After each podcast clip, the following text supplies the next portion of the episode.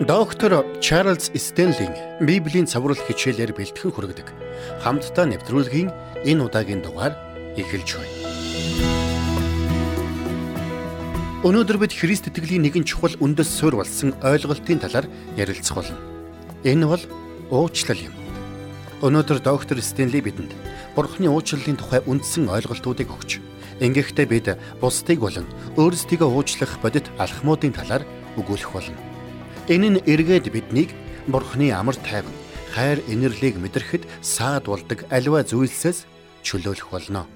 Ингээд хамтдаа бидний уучлалын үндэс нь чухам юу болохыг олж мэдцгээе. Доктор Стенлиг өгтөн авцгаая.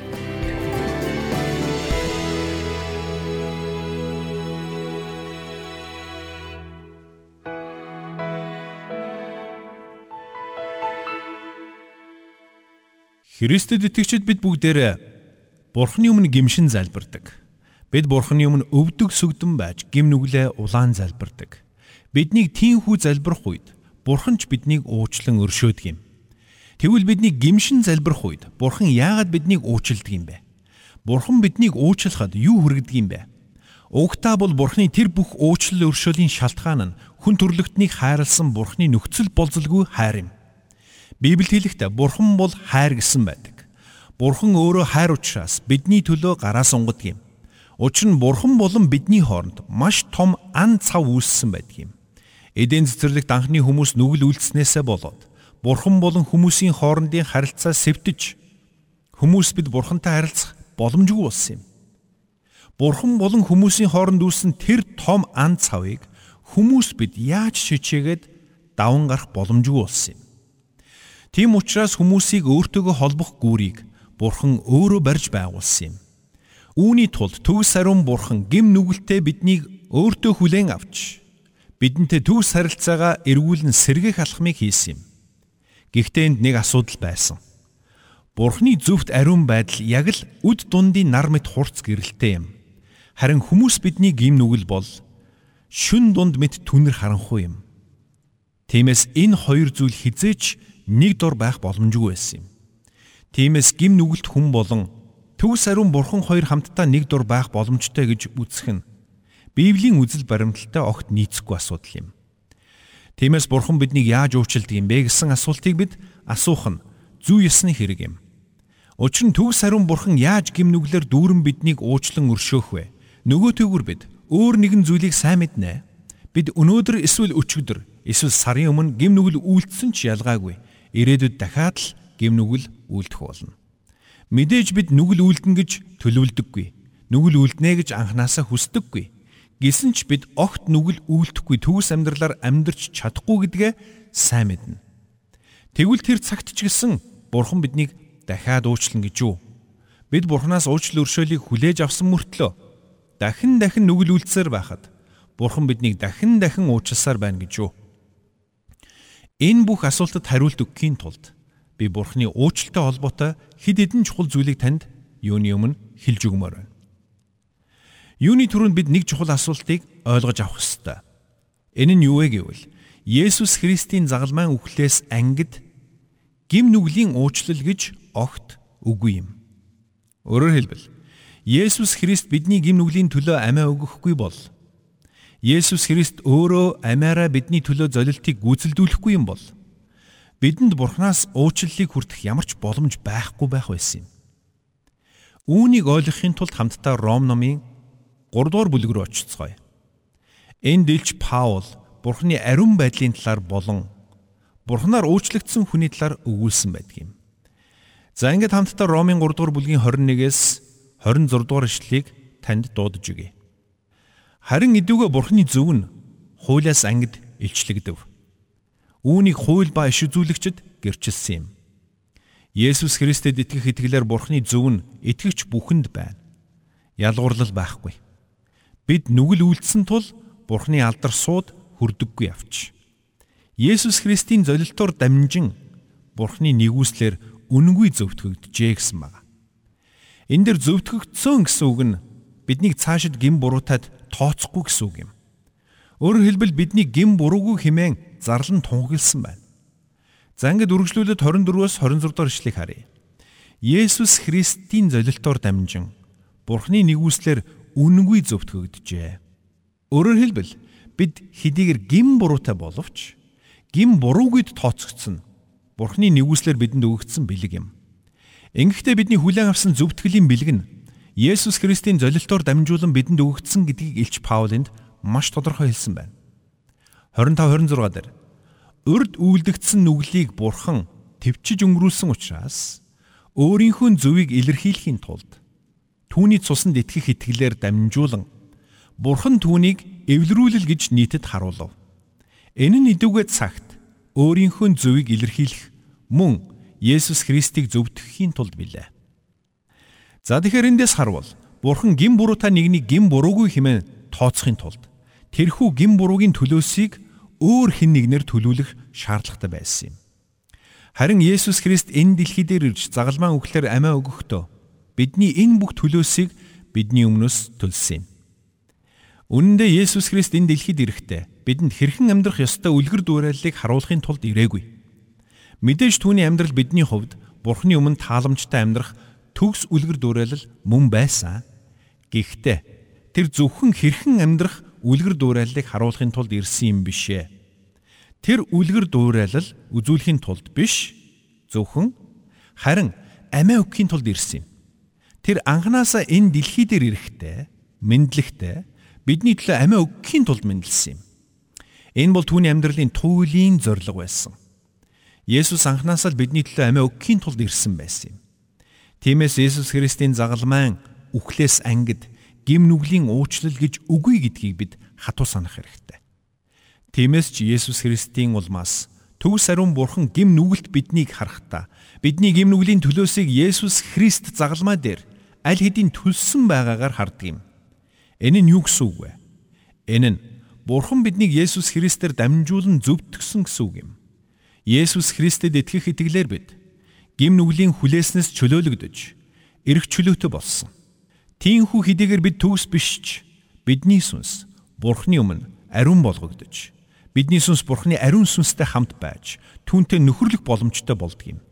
Учир нь Есүс Христ бидний гим нүглийг уучлснаар бид Христийн дотор цоо шин бүтээл болон өөрчлөгддөг юм.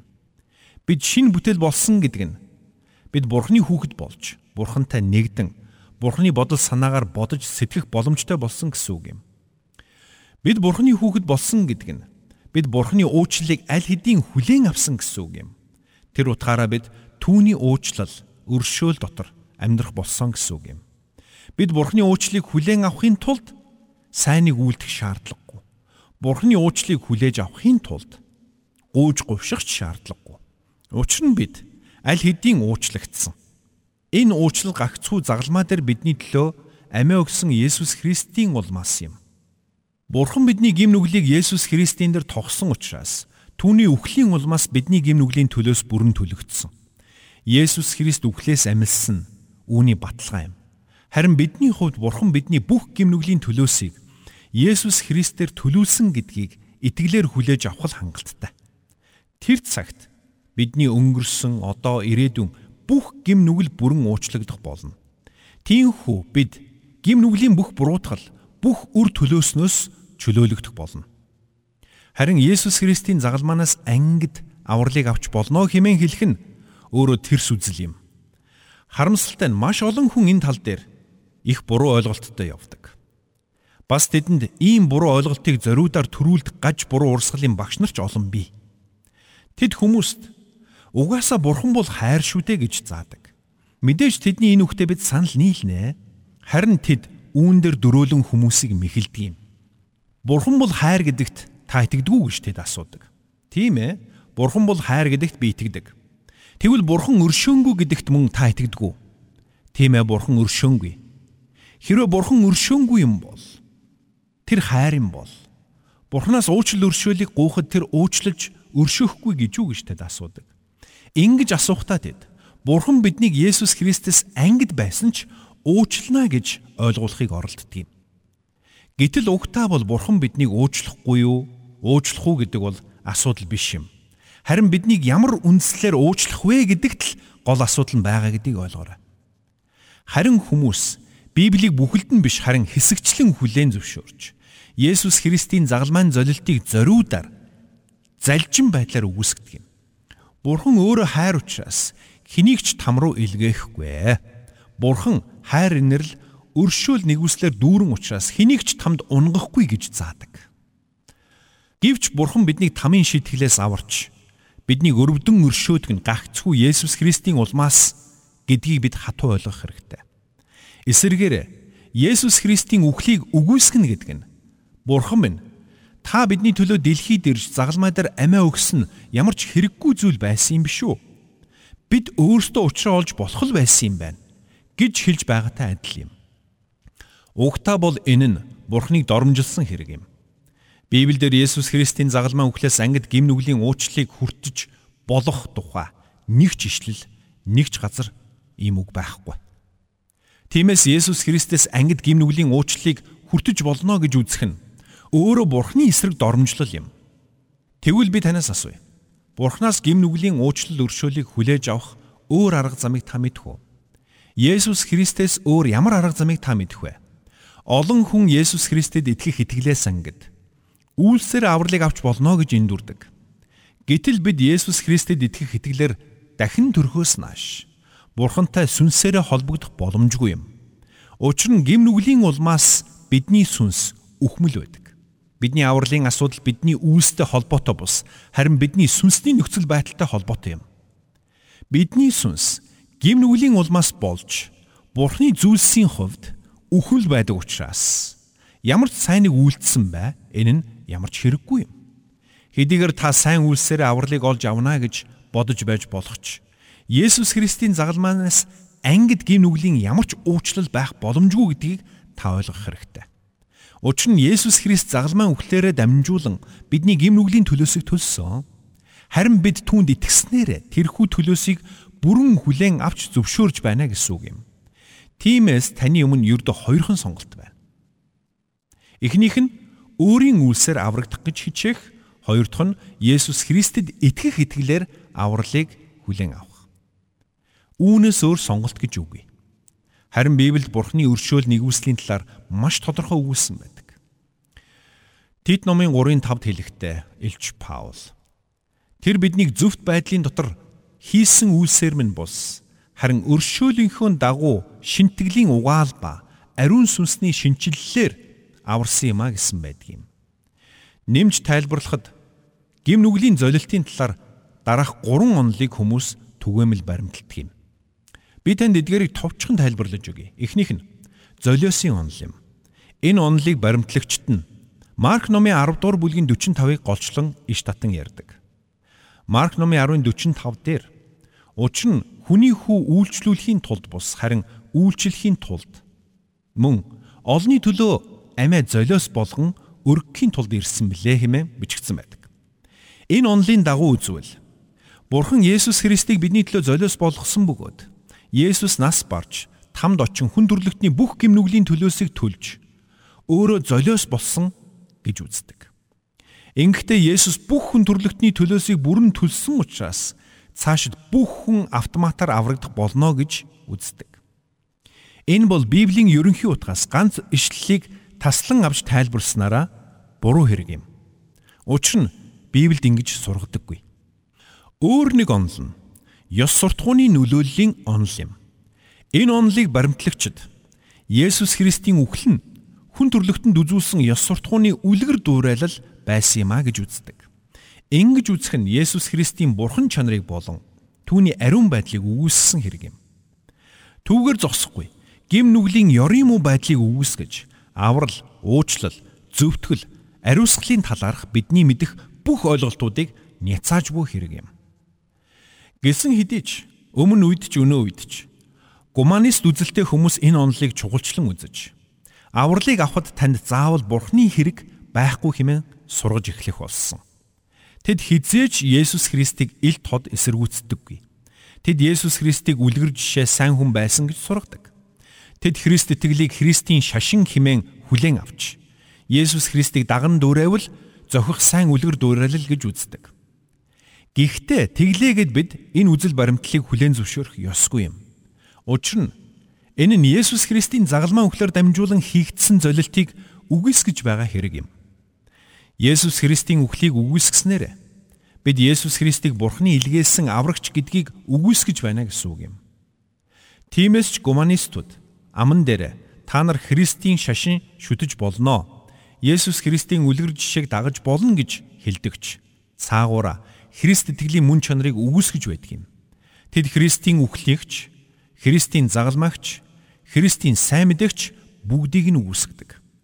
Өнөөдөр маш олон хүн цуглаанд явдагч. Бурхны талаар огт мэдэгдэхүүнгүй явж байдаг. Тэд миний саяын хэлсэн алдаатай ойлголтуудад итгэж Христ итгэлийн мөн чанаруудыг огт ойлгохгүй явсаар байдаг юм. Тэгвэл бидний итгэн дагах учиртай зөв онол сургаал чухам юу юм бэ? Энэ бол Есүс Христийн үхэл бол бидний гим нүглийн төлөөх тахил байсан гэдэгт итгэх итгэл юм. Есүс Христ загалмаа дээр бидний төлөө амиа өгч бидний өмнөөс нас барсан. Бурхан түүний дээр бидний бүх гим нүглийг тохож тэр бидний өмнөөс бүх төлөөсийг төлсөн. Тиймээс бид түүнийг аврагчаа болгон хүлээн авсан. Тэр мөчөд бид түүний дотроос жинхэнэ эргчлөг хүлээн авдаг юм. Есүс Христ загалмаа дээр бидний өмнөөс амиа өгч та бидний гимнүглийн төлөөсийг бүхэлд нь төлсөн бидний Бурханаас уучлал өршөөлийг хүлээн авах үндэс суурн юм. Учир нь хэрвээ Бурхан бидний гимнүглийг Христийн үхлээс ангид уучлах юм бол энэ нь Бурханы шудраг зөвхт байдалтай огт нийцэхгүй байх байсан. Харин тэр бидний гимнүглийг уучлсан ч өөрийнхөө зөв шудраг байдалтай зөрчилдөхгүй байхын тулд Есүс Христээр дамжуулан бидний бүх гимнүглийн төлөөсийг төлсөн юм. Хэрвээ та үүнийг ойлгох юм бол Христийн сайн мэдээний гол цөмийг нь ойлголоо гэсэн үг. Энэ бол бидний Бурханаас хүлээн авах бүхий л уучлал өршөөлийн гол үндэс суурь юм. Тиймээс бид Есүс Христэд итгэж түүнийг аврагчаа болгон хүлээн аваагүй байж Бурхан минь миний нүглийг уучлаач гэж залбираад уучлал өршөөлийг хүлээж авах боломжгүй юм. Учир нь Христийн цуснаас ангид нүглийн уучлал гэж үгүй. Тиймээс Бурханаас уучлал өршөөлийг гуйсан ч Есүс Христийг үл тоох юм бол энэ нь ямар ч нэмэргүй юм. Эзэн Есүс өөрөө Иохан номын 14-ийн 6-д хэлэхдээ зам үнэн ам бол би байгаа юм а. Хинч надаар дамжихгүйгээр эцэгт хүрэхгүй гэсэн байдаг. Тиймээс өнөөдөр би таныг өрн дуудаж байна. Та яг одоо хаа байгаа газраас Есүс Христийн нэрийг дуудаарай. Ингэхдээ Есүс Христийн загалмайн үхлээр дамжуулаад Бурхан таны бүх гэм нүглийг уучлсан гэдэгт итгэж Есүс Христийг аврагчаа амьдралынхаа эзнээ болгон хүлээн аваарай. Учир нь хэрвээ та Есүс Христийг хүлээж авахаас татгалзаж түүнийг үгүйсгэх юм бол та хожим нь нас барсныхаа дараа Бурхны шүүлттэй нүүр тулах ёстой болно гэсэн үг юм. Тэр цагт та Бурханаас үрд мөнхөд тусгаарлагдаж таны бүхий л үйлс бүхий л хичээл зүтгэл салхинд хийсэн мэт талар болох болно. Учир нь тэр бүх үйлс чинь Бурхны мэлмид юу ч биш байх болно. А харин эсэргээр та бид Есүс Христэд итгэснээр Бурхны хүүхэд болж Бурханаас мөнхийн амийг хүлээн авна гэдэгт бид яагаад тийм итгэлтэй байгаа юм бэ? Энэ нь биднийг аврахын төлөө Бурхны төлсөн агуу төлөөсийн улмаас юм. Хэрвээ бурхан та биднийг аврахын төлөө цорын ганц хүүгээд загалмайн үхэл рүү илгээсэн юм бол тэр тусмаа түүний хүүд итгэсэн бидэнд мөнхийн амийг өгөхгүй гэж юу? Есүс Христэд итгэж авралыг авсан бол та бүх гим нүгэлч нь үрд уучлагдсан гэдэгт бүрэн итгэлтэй байж болно. Мөн мөнхийн улс дахь таны байр суурь баталгаатай болсон гэдгийг санах хэрэгтэй. Гэхдээ эсэргээрээ хэрвээ бид Христийг үл тоож түүнийг хүлээж авахаас татгалзах юм бол Бурхны уучлалыгч тэр, авралыгч тэр, мөн хамигч тэр хүлээн авах боломжгүй болно гэдгийг доктор Стенли бидэнд сануулж байна.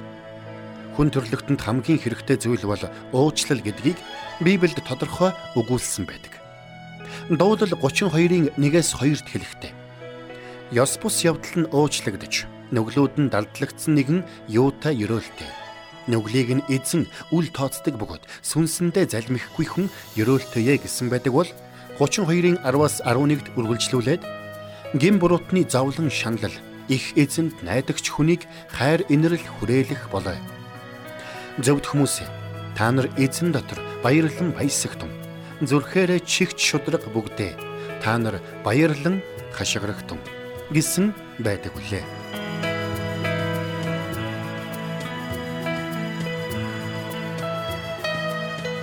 Бурханд тэмүүлсэн сэтгэл хүмүүсийг энэрх зөрхөөр амьдрахад туслах номлогч доктор Чарлз Стенлигийн хамттай нэвтрүүлэг сонсогч танд хүрлээ. Нэвтрүүлгийг дахин сонсохыг хүсвэл ихтгэл радиоцик.com-оор зочлоорой. Бидэнтэй холбогдохыг хүсвэл 8085 99 тэгтэг дугаард хандаарай.